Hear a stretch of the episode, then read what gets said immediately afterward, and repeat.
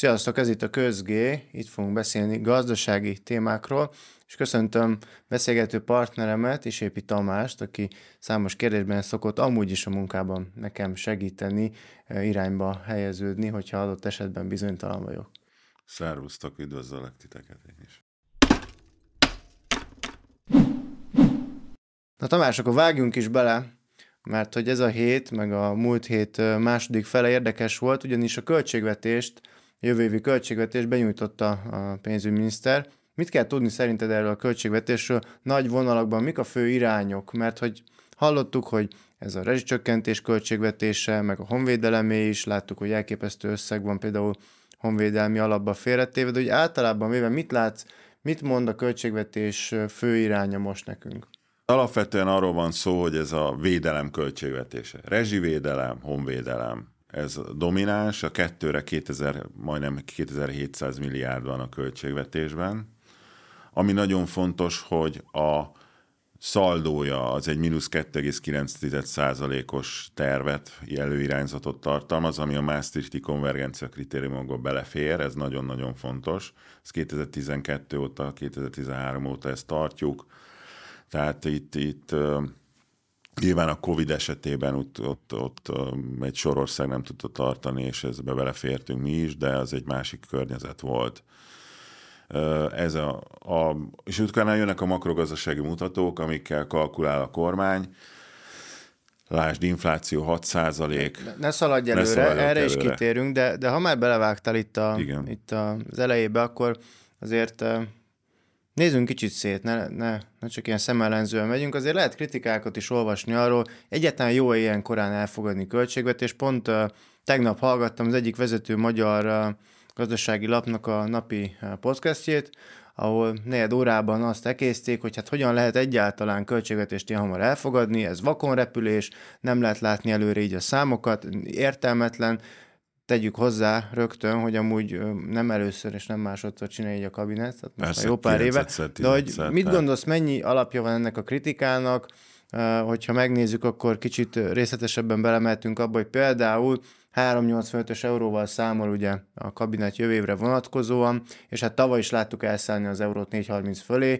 Most ha ezt összerakjuk ja. ezt az egész képet és ezt a kritika halmazt, van-e alapja annak, hogy valójában ezek a kritikák megjelennek, vagy szerinted igenis van értéke annak, hogy ilyen hamar megjelenik a költségvetés? Van értéke.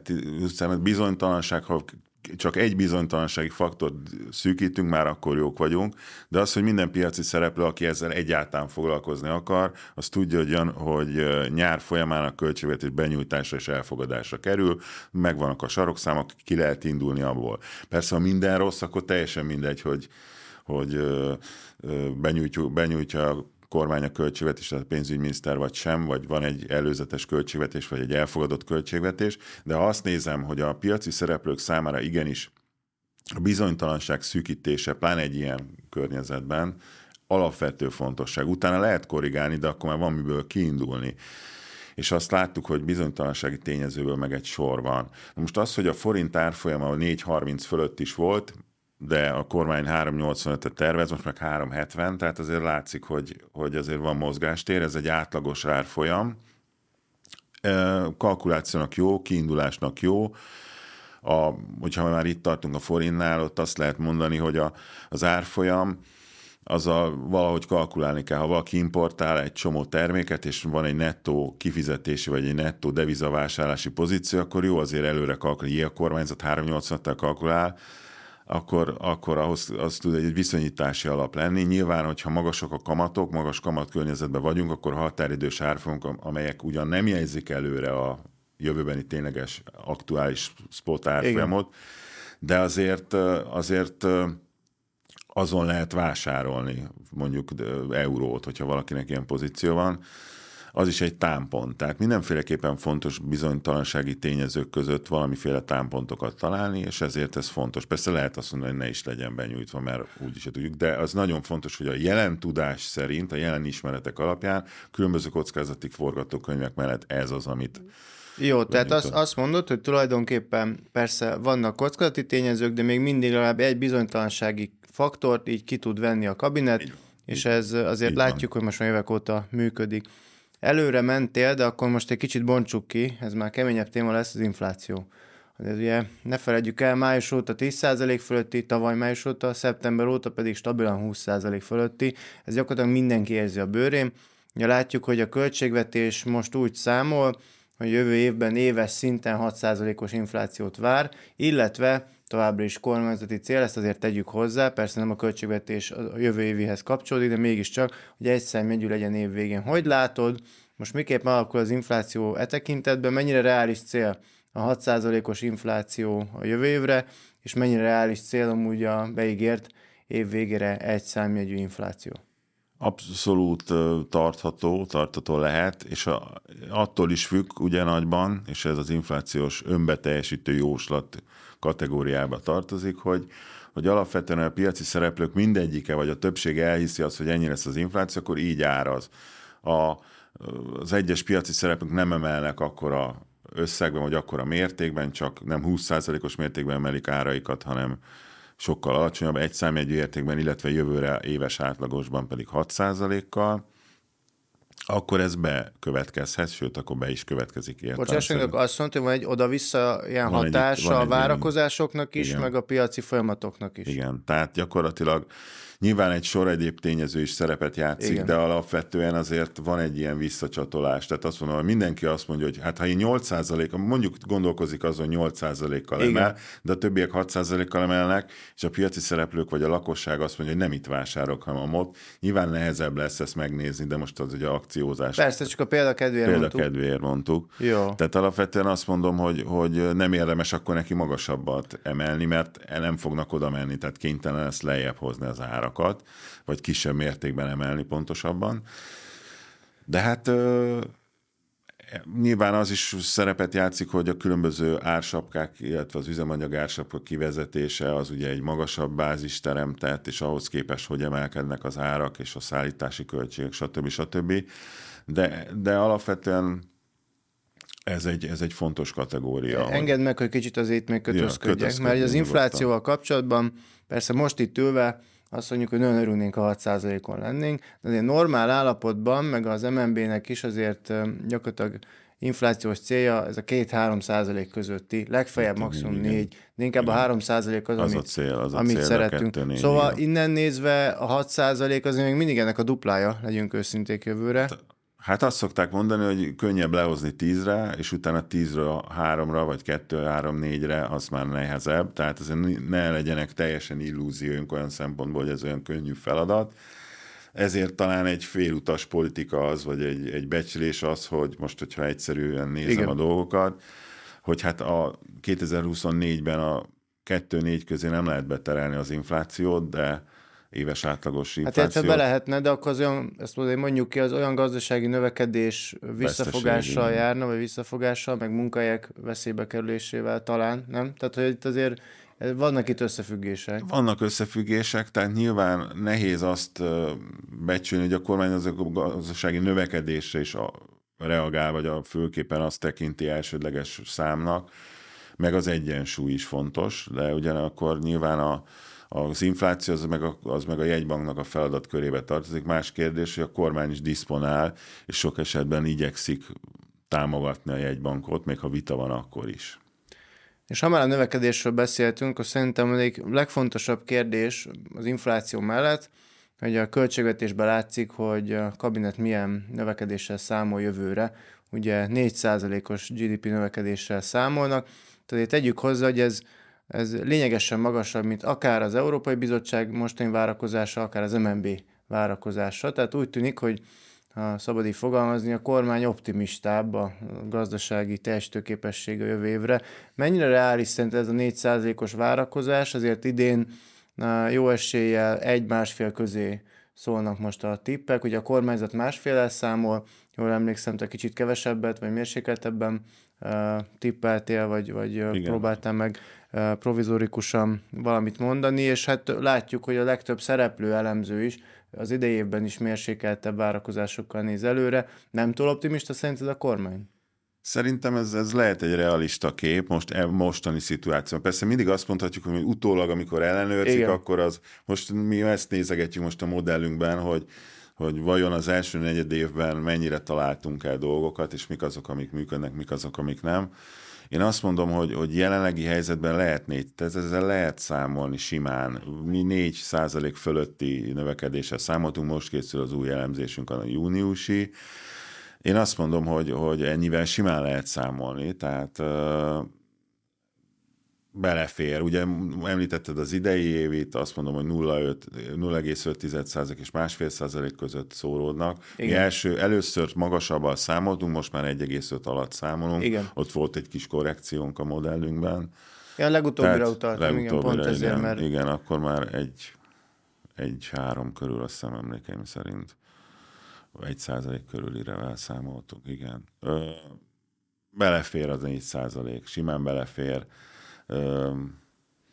Úgyhogy ezzel lehet kiindulásképpen kalkulálni. Itt nyilván azt kell figyelembe venni, hogy az áfa bevételek, vagy a fogyasztáshoz kapcsolódó bevételek akkor egy magasabb növekedési környezetben magasabbak, de nyilván Nyilván a, másik oldalon, hogy azt szokták mondani, felrónni kvázi, hogy hát az infláció az jó a kormánynak, egy csodát jó, nem jó nyilván azt mondható, a költségvetésnek két serpenyőjében a bevételi kiadási oldalon lehet azt mondani, hogy a, az áfa bevételek nőnek, vagy a fogyasztáshoz kapcsolódó bevételek nőnek, ugyanakkor a kamatkiadás egy magas kamat környezetben, mert nyilván azért az inflációs magas környezet a kamatokat is emelte a jegybank, ugye értemszerűen, ez is egy vita téma, de a lényeg az, hogy, hogy magas kamat környezetben a kamatkiadások magasabbak, nyugdíjkiadások magasabbak, látjuk azt, hogy például a kamatkiadás az, az közel, há, sőt, 3000 milliárd fölötti. Tehát azt mondhatjuk, most persze ezek mindig viszonyszámok, mert röpködnek az 1000 milliárdok, és az 1 milliárd is sok, de ugye azt lehet mondani, hogy, hogy a kamatkiadás az a, az a honvédelem meg a rezsivédelem összegénél is magasabb. 2006-ról, az, ha a dinamikáját nézem, akkor pedig 5-600 milliárddal növekedett egyik évről a másikra. Már szóba azt muszáj akkor kicsit a kamatokat még így Nézzük végezetül meg. Uh, uh, megkérdeznem, hogy hogy látod, uh, valóban indokolt most már, hogy a kormány utaltál rá, meg hát aki olvas híreket látja, hogy azért a mondjuk úgy, a jegybank és a kormányzat kamathoz kapcsolódó viszonya most már mondjuk úgy, hogy feszült egymáshoz képest eltérőek az álláspontok. Ugyan most elindult egy mérsékelt csökkentés, de hogy látod, kései ez, vagy egyáltalán kéne most már egy határozottabb kamatcsökkentési politika, mikor lehet arra számítani, és most akkor ne csak állami szempontból nézzük a kérdést, ugye azért ne felejtjük el, ez a lakossági hitelezése, meg a vállalati hitelezése épp úgy komoly hatással van, az emberek is érzik a saját bőrükön. Szóval mikorra várható, hogy tényleg elindul egy olyan határozott kamatcsökkentés, ami, amit talán többen most már szeretnének. Illetve tegyük hozzá szerintem azért zárójában, hogy bár a bankok panaszkodnak a különadók miatt, azért ne felejtjük el, hogy az egyik oldalon, ugye a magas kamatok miatt persze a különadót megkapták, de a másik oldalon meg egynapos betéten ők sokat tudnak nyerni, illetve azt látjuk, hogy a lakossági vagy egyéb betéteknek, meg a bankok által fizetett kamata, hát az nem követte le ugyanezt a magas kamatpályát. Igen, hát jogos felvetés mindegyik, amiket mondasz. Azt érzékelem én is, hogy, hogy itt sok minden együtt van, és aki az egy, egyes egy tételt néz, a, megtalálja a saját igazát? Megtalálja a saját igazát. És e, ezért lenne jó például egy Excel tábla, és azt mondom, benyomok egy gombot, és azt mondom, hogy ha emelem, akkor ez, ez, ez, ez, ez, ilyen aspektusok vannak. Ha a politikai vagy gazdaságpolitikai részét nézem a dolgnak, akkor az egyik oldal elmondja az egyik részét, a másik oldal elmondja a másik részét, vagy egy kicsit többet, mondjuk így, hogy mi azért talán többet mondunk el. És vagy figyelembe veszük a serpenyő két részéből, vagy a két serpenyőből álló dolgokat jobban, az, azt érzékelem valóban, hogy egyfelől vissza, ugye a magas kamatkörnyezet visszafogja a hitelezést, ezt látjuk, tehát Igen. nem is tudunk mit vitázni. A, az alacsonyabb kamatkörnyezet, vagy egy csökkenő trendet azért deklarálta a jegybank. Tehát valamilyen szempontból ő szeretnék közelíteni a, és elkezdte közelíteni az effektív kamatot a jegybanki alapkamathoz. Nyilván más-más tényezők vannak, az, amelyeken az egyik vagy a másik árazódik. De az effektív, a magas, a 18-17 százalékra csökkenés jelzés értékű volt a piacnak. Én itt azt érzékelem, hogy az árfolyamra sok minden tényező hat, a kamat is.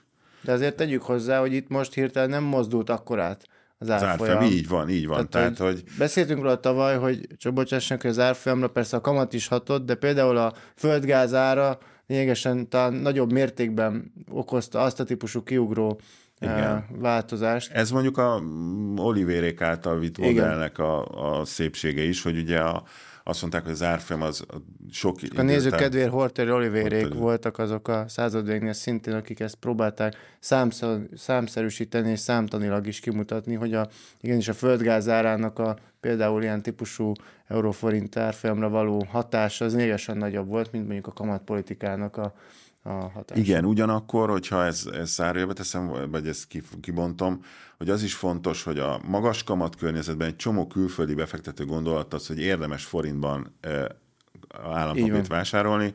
Látszik, hogy 5000 milliárd körüli összegről 7200-ra nőtt meg, milliárdra nőtt meg a külföldiek által forintban denominált állampapíroknak a állománya, vagy a, annak tartása.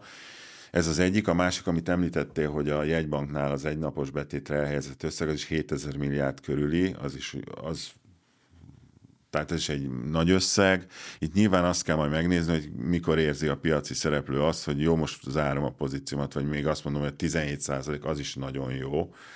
Igen. Tehát egyrészt erősödött a forint, másrészt magasabb volt a kamat, jó ideje, éveleje óta, most az évele, évelejéhez képest nézem az 5000 kontra 7200-as forint állampapírállományt, tehát a forintot támogatja ez a, ez a dolog. Most nyilván, hogyha a gázárak, földgázárak moderált áron forognak, vagy a folyófizetési mérlegünk a stabil, innentől kezdve akkor kevésbé sebezhető, és jobban reziliens, jobban sok ellenálló az adott ország, így Magyarországot vizsgálva egyértelműen ez megfigyelhető. Tehát nem ugyanaz a szituáció, mint egy évvel ezelőtt volt, vagy október 14-e ugye ez az ominózus kamatemelés, vagy drasztikus kamat, effektív kamatemelés, Igen, és mondjuk úgy, az hogy az, utolsó az, az utolsó ilyen nagy lépés. Tehát én azt várom, hogy, hogy, hogy, hogy csökkentik a kamatokat folyamatosan. Nyilván egy sor tényezőt néznek, az egyik az infláció, és most ezt is ki lehet nyitni, hogy ez kutatási terület is, hogy vajon az infláció most vagy valakinek van 1000 milliárdja, vagy 200 milliárdja, akkor nem fog másnap több élelmiszert vagy valamit vásárolni. Tehát, hogy az infláció kontra, most nyilván ez egy lekarikírozom a dolgot, de nyilván az állampapírpiacon megjelenő összegek, azok nem jelennek meg a reáliák vásárlási szándéka mellett, de ugyanakkor ez is egy érdekes dolog lehet, tehát ö, ö, ugyanakkor nyilván a jegybank tétlenül sem nézhette az, a folyamatokat. Nyilván az árfolyamra sok minden hat, az árfolyamot kedvező körülmények között találhatjuk olyan szempontból, hogy, hogy a fundamentális megközelítésben, tehát folyófizetési mérleg, állampapírállomány, tehát sokan ezt az úgynevezett carry trade-et tartják, azaz megveszem, megveszem a forintot, hitelt veszek föl euróban. Szerintem ez a kamatpolitika az olyan érdekes, ezt egy következő alkalommal ja, részletesen egy egész adásba megbeszéljük, de most köszönöm, hogy velem voltál, és a költségvetést megpróbáltuk, meg az egész ezzel kapcsolatos vitákat egy kicsit kibontani. Köszönjük, hogy velünk tartottatok, és Köszönjük jelentkezünk szépen. a következő alkalommal is, lehet, hogy éppen pont a kamatpolitikával. Köszönjük szépen.